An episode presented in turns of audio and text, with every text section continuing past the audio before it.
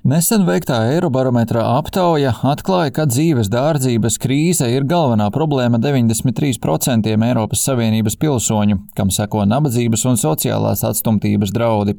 Savukārt 39% norādījuši, ka viņiem ir grūtības samaksāt rēķinus. Tiek lēsts, ka Eiropas Savienībā nabadzības vai sociālās atstumtības riskam ir pakļauti aptuveni 95 miljoni cilvēku. Centienus izraut cilvēkus no šīs riska zonas īsteno ne tikai nacionālā, bet arī Eiropas Savienības līmenī. Pērn saskaņā ar apņemšanos Eiropā mazināt nabadzību un sociālo atstumtību, Eiropas komisija nāca klajā ar aicinājumu dalībvalstis modernizēt minimālā ienākuma schēmas. Priekšlikumos noteikts, kā dalībvalstis savas minimālā ienākuma schēmas var modernizēt, lai tās būtu efektīvākas un palīdzētu cilvēkiem izkļūt no nabadzības, vienlaikus veicinot strādāt spējīgo personu integrāciju darba tirgū. Tomēr Eiropas parlaments uzskata, ka ir jādara vairāk un uzstāj uz saistošiem pasākumiem, lai nodrošinātu atbilstošus labklājības pabalstus tiem, kam tas nepieciešams. Bet kas ir minimālais ienākums? To skaidro zaļo deputāte Sāra Matjē. Minimālā ienākuma ideja ir tāda, ka tas domāts cilvēkiem, kam nav darbs un kuriem nav pieejas, piemēram, bezdarbnieka atbalstam. Protams, var būt atšķirīgi iemesli, kāpēc tā ir. Piemēram, cilvēks ilgstoši slimo, varbūt konkrētajā dzīvesvietas reģionā nav pieejams darbs, varbūt nav nepieciešamās prasmes vai nav darbu, kur ir pienācīga alga. Bet tie var būt arī gadījumi, kad kādu aprūpē vecākus cilvēkus, bērnus, un tad cilvēks ir bez ienākumiem. Tādēļ ir svarīgi, lai katram Eiropā būtu šis drošības tīkls, lai vienmēr būtu adekvāti ienākumi, lai pamata vajadzības kā ēdiens, mājokļa izmaksas tiktu nosaktas noteiktas. Ir daudz cilvēku Eiropā, kam nav pieeja adekvātam minimālam ienākumam. Tās ir cilvēktiesības, un visiem ir jābūt šādai pieejai un iespējai cieņpilni dzīvot.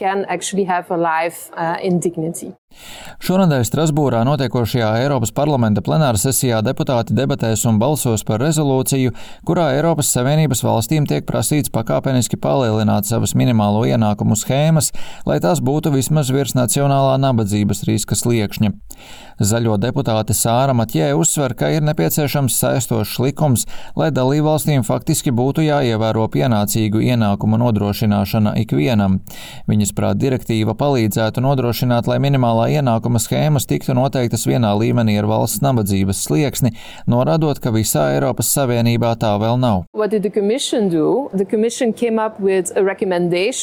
Eiropas komisija nāca klajā ar ierosinājumu dalībvalstīm noteikt šīs minimālās ienākumu schēmas un noteiktās līdz nabadzības sliekšņa līmenim.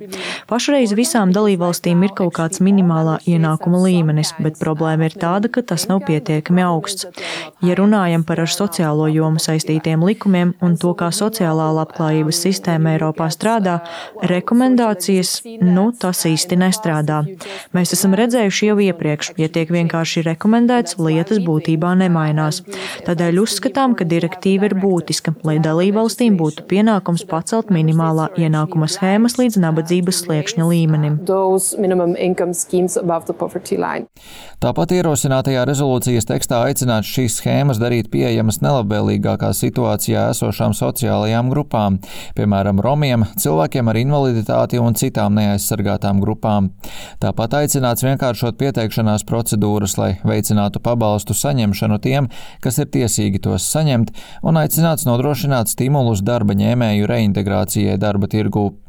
Antverpenes Universitātes sociālās politikas profesore Bea Kantiljona uzskata, ka minimālo ienākumu schēmu sakārtošana gan nav iespējama bez minimālo algu sakārtošanas. Tāpat viņa norāda, ka prātā jāpatur Eiropas Savienības struktūra, proti, ka sociālā politika un darba tirgus politika joprojām lielā mērā ir dalībvalstu pārziņā. About, uh, Nevar domāt par Eiropas minimālo ienākumu schēmu, kas vienādi aptvertu visus Eiropas Savienības pilsoņus. Atšķirības starp valstīm ir pārāk lielas labklājības līmeņa, ekonomiskās kapacitātes, sociālās drošības sistēmu ziņā ziņā, kas dažādās dalībvalstīs ļoti atšķiras. Viņa arī piebilst, ka palīdzība cilvēkiem ir būtiska lokālā līmenī, jo palīdzēt milzīgam skaitam minimālā ienākuma saņēmēju nav iespējams.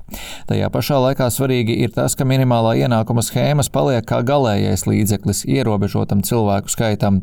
Ja šādu cilvēku skaits palielinās, kā tas arī ir noticis, tad holistisku pieju īstenot kļūst arvien grūtāk. Rihards Plūme, Latvijas radio.